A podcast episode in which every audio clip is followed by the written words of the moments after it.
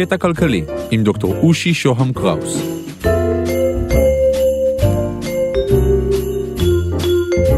קטע כלכלי, שיחה עם דוקטור עמי וטורי, אוניברסיטת חיפה, המודל הסקנדינבי.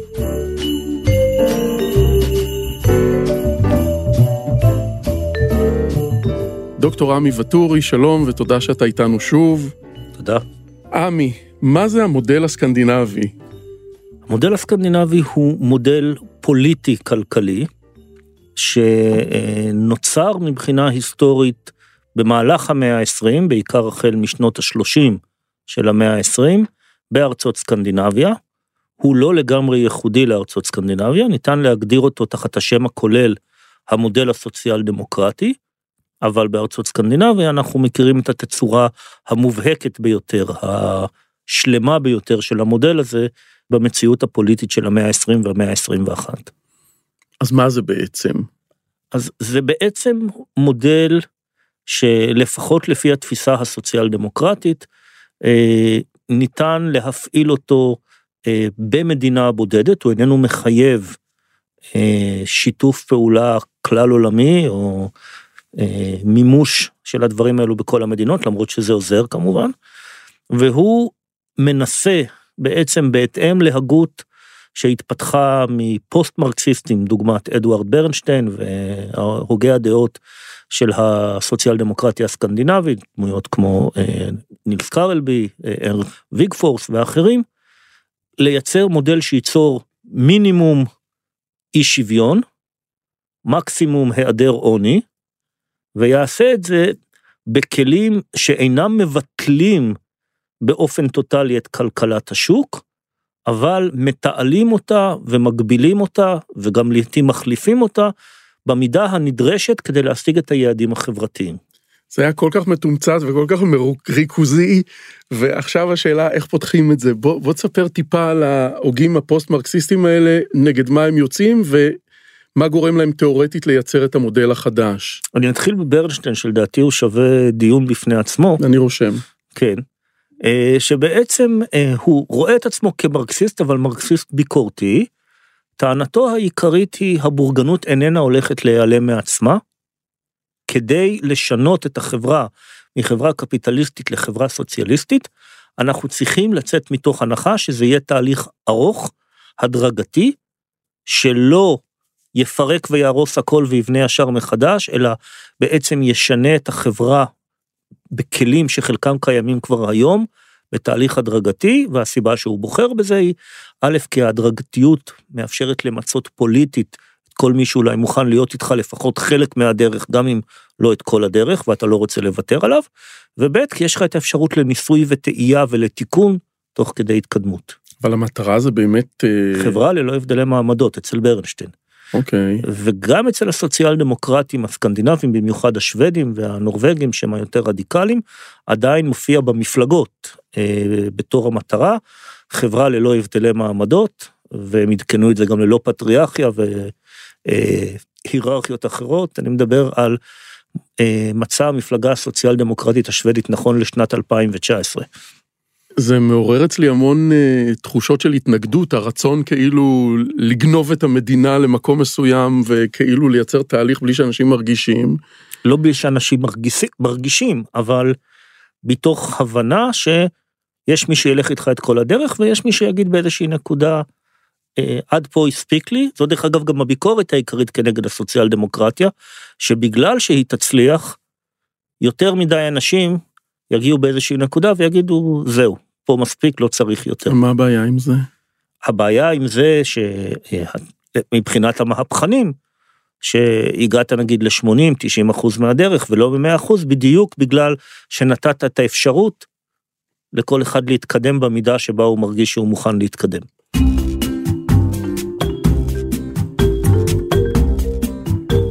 בוא נעזוב את ההתנגדויות שלי, זה לא מעניין. ונלך, נחזור לברנשטיין ונראה איך זה ממשיך אחרי ברנשטיין. אז ברנשטיין למעשה אה, היה אה, אידיאולוג אבל במפלגה שיכולת הביצוע שלה הייתה מאוד מוגבלת, אני מדבר על אה, המפלגה הגרמנית המרקסיסטית המרכזית שנקראה המפלגה הסוציאל דמוקרטית הגרמנית, זו מפלגה שהוקמה בברכתו של מרקס. אה, והמפלגה הזאת הייתה מאוד חלשה, או חלשה מדי, בשנות ה-20 וה-30, הייתה בעימות מאוד קשה עם הקומוניסטים, שהיא לא יצאה ממנו כל כך טוב.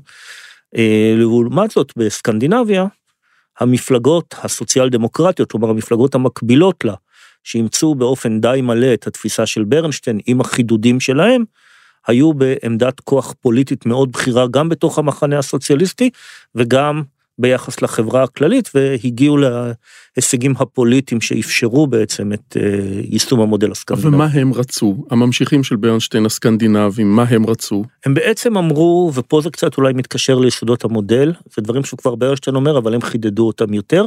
יש לנו שלושה מסדים שעליהם אה, בנויה הסוציאל דמוקרטיה, או אם תרצה הטרנספורמציה ההדרגתית של החברה מחברה קפיטליסטית לחב... לחלוטין לחברה סוציאליסטית לחלוטין. כאשר בתפיסה הברנשטיאנית, אף חברה היא לא לחלוטין קפיטליסטית ולא לחלוטין סוציאליסטית, כולנו באיזושהי נקודת ביניים. זו תפיסה כללית בעצם של הסוציאל דמוקרטיה. ושלושת המסדים האלו הם א', ארגוני העובדים, שיש להם את הכוח לשנות לא רק את השכר ותנאי העבודה ברמת מקום העבודה, הענף וברמה הכללית, אלא הם משנים באופן מהותי את חלוקת הכוחות וחלוקת ההכנסות בחברה. מסד שני שמדברים עליו הוא עניין הממשלה הגדולה, גדולה לא במובן של הרבה שרים, אלא ממשלה שמצד אחד לוקחת חלק גדול מההכנסה הלאומית בצורה של מיסים והכנסות אחרות, ומחלקת אותו מחדש כשירותים ציבוריים וקצבאות, שאנחנו קוראים להם תשלומי העברה. והיסוד השלישי, שתפקידו בעצם לסייע ולשמור על שני היסודות הראשונים, כי בעלות על הון היא גם כוח פוליטי, וזה שיהיה מגזר ציבורי משמעותי ובעלות משמעותית על ההון, לא צריך 100% בעלות ציבורית על ההון, אבל צריך בעלות ציבורית משמעותית, כדי שתהווה משקל נגד לבעלות הפרטית ותסייע בעצם לשני היסודות הקודמים שציינתי. במילים שלנו, בעלות ממשלתית על ההון זה בנק אה, אחד או שניים או כמה שהם שייכים לציבור? אני אמרתי דרך אגב את המילה ציבורית, זה לא בהכרח ממשלתית, זה גם יכול להיות בעלות ארגוני העובדים. אבל למשל בארצות סקנדינביה, בעלים של חלק גדול מאוד מההון, הן למשל קרנות הפנסיה הציבוריות. למעשה בארצות סקנדינביה, שליש עד חצי מההון הכולל, תלוי על איזה מדינה אני מדבר, הוא בבעלות ושליטה ציבורית. אמ, אז מה מתהווה לנו בפועל אחרי, ממש בפועל ברמה הקונקרטית אחרי הממשיכים של ברנשטיין, ומה יש היום? בואו נתחיל במה מתהווה בפועל. אני אגיד מה יש היום, okay. אני אגיד אוקיי. שלמעשה מה שיש היום, בשינויים כאלו או אחרים, יש כמה נקודות שהם היו במצב יותר אה, חזק משאני אתאר כרגע, יש מקומות שהיום המצב הוא הטוב ביותר אי פעם, אבל מה שמתהווה לנו זה א', חברות עם אחוז גבוה מאוד של עובדים מאורגנים, אנחנו מדברים על כ-70 אחוז מהשכירים בשוודיה ופינלנד שחברים בארגוני עובדים. זה הרבה? זה הרבה מאוד, בישראל, בישראל היום זה כ-20 אחוז. בישראל רק 20 אחוז מהשכירים מאוגדים? כן, חברים בארגוני עובדים, כן. אוקיי. אה, בתקופות השיא של ההסתדרות בשנות ה-70, כנראה שכ-60-70 אחוז, אבל פה נצטרך להיכנס לסוגיה של מה ההבדל בין ההסתדרות לבין ארגוני העובדים הסקנדינביים, וזה נושא ארוך. Mm-hmm. אז כ-70 אחוז מהשכירים בשוודיה ובפינלנד חברים בארגוני עובדים, למעלה מ-50 אחוז בנורבגיה ולמעלה ב-60 אחוז בדנמרק בארגוני עובדים שהם ארגוני עובדים ממש, זה מתקשר לפודקאסט הקודם שעסקנו בזה, אה, והסכמים קיבוציים שמכתיבים אותם ארגוני עובדים, חלים על כ-90 אחוז מהמשק, כאשר ארגוני העובדים האלו נהנים מזכות השביתה הרחבה ביותר בעולם מבחינת האופציה החוקית שלהם, ומצד שני ממעטים להשתמש בה כי אין להם כמעט צורך, יש להם הרבה מאוד כוח לממש את הרצונות שלהם בלי שהם יצטרכו להפגין אותו. יש להם קרנות שביתה גדולות מאוד, למשל קרנות השביתה של ארגוני העובדים השוודים כוללות כחמישה מיליארד אירו. והשילוב הזה של זכות שביתה רחבה מאוד, ארגוני עובדים גדולים מאוד, עם קרנות שביתה גדולות מאוד, מאפשרים להם להשיג הסכמים קיבוציים טובים מאוד ומקיפים מאוד, אה, שמעשית מכתיבים את השכר ותנאי העבודה של כלל ציבור השכירים. זה היסוד, אם אני ארצה להגדיר ככה, היסוד הראשון שברנשטיין מדבר עליו.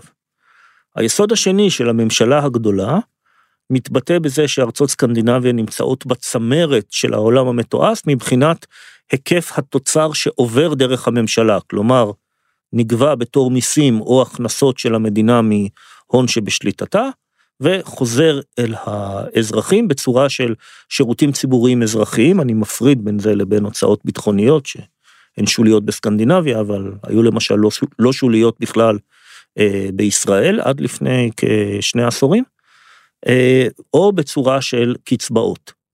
אה, בנקודה הזאת יש עוד כמה מדינות באירופה שמתקרבות לארצות סקנדינביה, אבל עדיין ארצות סקנדינביה הן הבולטות ביותר באלמנט הזה.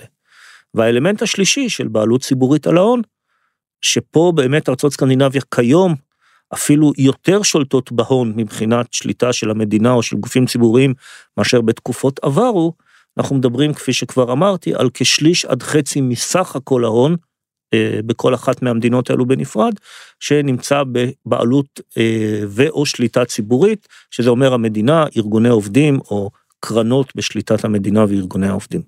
ארגוני העובדים הם פוליטיים גם? הם אה, מיוצגים גם מפלגתית?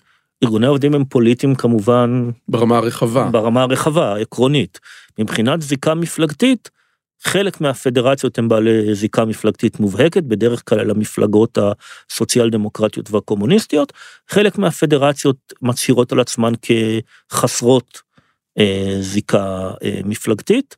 אה, בדרך כלל הפדרציות שמתמקדות יותר בלאגד את העובדי צווארון כחול, נוטות יותר לזיקה מפלגתית, ואלו שמאגדות את צווארון לבן, מצהירות פורמלית שהן נטולות זיקה מפלגתית, אם כי כן יש להן נטייה לכיוון המפלגה הסוציאל דמוקרטית. בוא נהיה יותר אה, תיאוריים מתיאורטיים. באיזה אופן שונים החיים של אה, אה, ישראלי חציוני מהחיים של שוודי חציוני? אז אם נצא מתוך הנחה שגם הישראלי החציוני וגם השוודי החציוני הם מן הסתם שכיר חציוני, כמו רוב האנשים, עם משכורת אה, אה, שאמורה להיות המשכורת החציונית באותה מדינה. אז א', המשכורת החציונית בארצות סקנדינביה קרובה מאוד למשכורת הממוצעת, כלומר היא גבוהה משמעותית, גם אבסולוטית וגם יחסית מהמשכורת של החציוני הישראלי. מעבר לזה, החציוני הסקנדינבי חי בחברה שבה חלק גדול מאוד מהשירותים שהוא זקוק להם, הם שירותים שהוא מקבל אותם חינם או כמעט בחינם מכספי המיסים לא בהכרח שלו, אבל מכספי המיסים של כלל הציבור, למעשה בעיקר מכספי מיסים של אנשים אולי שהברוטו שלהם גבוה משלו. וזה מתבטא למשל בזה שבסקנדינביה החינוך הוא חינם או כמעט חינם מגיל אפס ועד סוף אוניברסיטה. הבריאות היא חינם, כולל טיפולי שיניים מלאים גם אורתודנטי וכדומה לילדים עד גיל 18 או לילדים וצעירים עד גיל 23 בשוודיה. הסיעוד, אחד מהדברים שמאוד מעיקים ומפחידים את כולנו כשאנחנו חושבים על עצמנו או על הורינו, אה, בסקנדינביה זה לחלוטין על חשבון המדינה, למעט השתתפות עצמית אה, סמלית. כלומר, התחושת ביטחון הכללית היא גבוהה בהרבה. מאיפה הכסף? מחלוקה אחרת של ההכנסה. כלומר, כאשר הברוטו שלך גבוה משמעותית כעובד חציוני, ולעומת זאת אולי הברוטו של עובד בכיר הוא נמוך יותר במונחים יחסיים, וכאשר אה, הכספי מיסים אה, לוקחים חלק גדול מהברוטו של אה, בעלי הכנסות בינוניות וגבוהות, אה, וחוזרים אליך, או חוזרים לכלל הציבור בצורה של שירותים ציבוריים וקצבאות, אז אתה חי בחברה שהיא הרבה יותר שוויונית. אני צריך להגיד שהעשירון העליון בישראל בדרך כלל מנהל רמת חיים שהיא גבוהה יותר מזאת של 90 ומשהו אחוז מהסקנדינבים.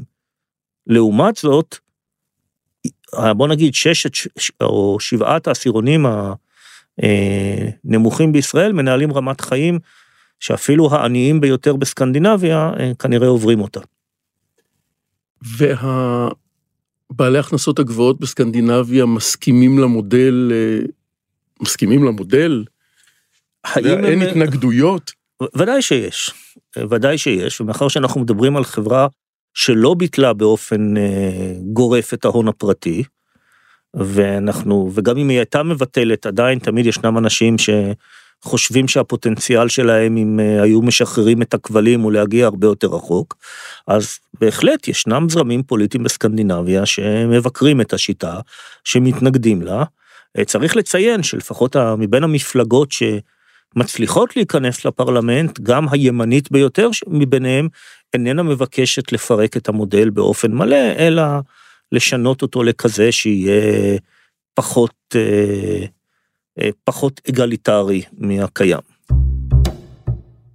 הטענה שאומרת שבסקנדינביה קל יותר לפטר עובד אה, נכונה? קל יותר מבישראל? לא נכונה לחלוטין. מכיר את הטענה. כן, והיא טענה מאוד מוזרה בעיניי, כי היא פשוט בלתי קשורה בעליל לעובדות, וזה דברים שאפשר לבדוק אותם בקלות. בשוודיה ונורבגיה יש קביעות מתוקף חוק, וכשאני אומר קביעות, אני מתכוון לקביעות במובנה הישראלי, כלומר למצב שבו אם הארגון עובדים מתנגד לפיטוריו של העובד, אה, המעסיק איננו יכול להחליט שהוא מפטר בכל זאת, אלא ההחלטה עוברת לצד אה, שלישי אה, ניטרלי. במקרה הזה בית הדין לעבודה בסקנדינביה, ברוב ההסכמים בישראל זה בורר מוסכם. ובישראל פחות מ-20% מהשכירים נהנים מקביעות מרמה כלשהי. בשוודיה, בגלל הקביעות מתוקף חוק, כמעט 83% מהשכירים הם קבועים ובנורבגיה 90 אה, אחוז. הרבה פעמים כשמדברים על זה שבדנמרק ישנו מודל של גמישות תעסוקתית, צריך להבין שהכוונה היא שבדנמרק ישנו מודל של גמישות תעסוקתית בהשוואה לשוודיה ונורבגיה, לא בהשוואה לישראל. בהשוואה לישראל, המודל הדני אה, גמיש אפילו פחות מאשר בישראל. זה סוציאליזם או שוק חופשי? זה גם סוציאליזם וזה גם שוק חופשי. בחלקו כמובן, לא חופשי באופן אה, מלא, סוציאליזם לפי פרשנות של אה, זרם שאני נמנה עליו, הזרם הסוציאליסטי רפורמיסטי, שגם נקרא סוציאל דמוקרטי, במובן הזה שהחברה בסקנדינביה, אם ניקח קוטב אחד של חברה שהיא כולה אה, פועלת לפי אה, כוחות פרטיים ואיננה מבצעת שום חתירה אה, לציבוריות ולחלוקה שוויונית או מניעת עוני כקצה אה, קוטב אחד, ולחברה שפועלת באופן מאוד אינטנסיבי אה, וציבורי, וגם שולטת באופן מאוד ציבורי על אמצעי הייצור ועל החלוקה של פירות הייצור, אז ארצות סקנדינביה הרבה יותר קרובות לקוטב השני שהזכרתי, מאשר לקוטב הראשון. אבל אני אומר, זה גם חברה שיש בה שוק חופשי במובן הזה שארצות סקנדינביה לא ביטלו את מנגנון השוק ולא ביטלו את הבעלות הפרטית, בעיקר בגלל שהתיאוריה הפוליטית שלהם טוענת שזה לא הכרחי כדי להגיע לנקודה מאוד מאוד מתקדמת בסוציאליזם. יכול להיות שאי אפשר להגיע לסוציאליזם מוחלט, אה, בלי ביטול של מנגנון השוק ובלי ביטול של הבעלות הפרטית, אבל ניתן להגיע לרמה גבוהה מאוד של סוציאליזם, תוך כדי השערה של הדברים האלו, כאשר ההשערה של הדברים האלו היא מסיבות אינסטרומנטליות, לא, לפחות מבחינת הסוציאל דמוקרטים, זה לא שיש איזושהי קדושה אה, בשוק חופשי או בבעלות פרטית, זה גישה אינסטרומנטלית, זה עובד, זה בסדר, אם אנחנו עושים פעולות א', ב' וג', העובדה שאישרנו את ד' וה' איננה זאת שמקלקלת לנו. דוקטור רמי וטורי, אוניברסיטת חיפה, תודה שבאת אלינו. תודה. להתראות. אני מרצה ומייעץ בתכני הפודקאסטים, תוכלו להשיג אותי באושי at אושי.co.il, תוכלו לשלוח לי וואטסאפ ב-050-8898-322, וואטסאפ בבקשה, או לקרוא לי במסנג'ר של פייסבוק, אושי שוהם קראוס, באנגלית. תודה לקווין מקלוד על המוזיקה, להתראות.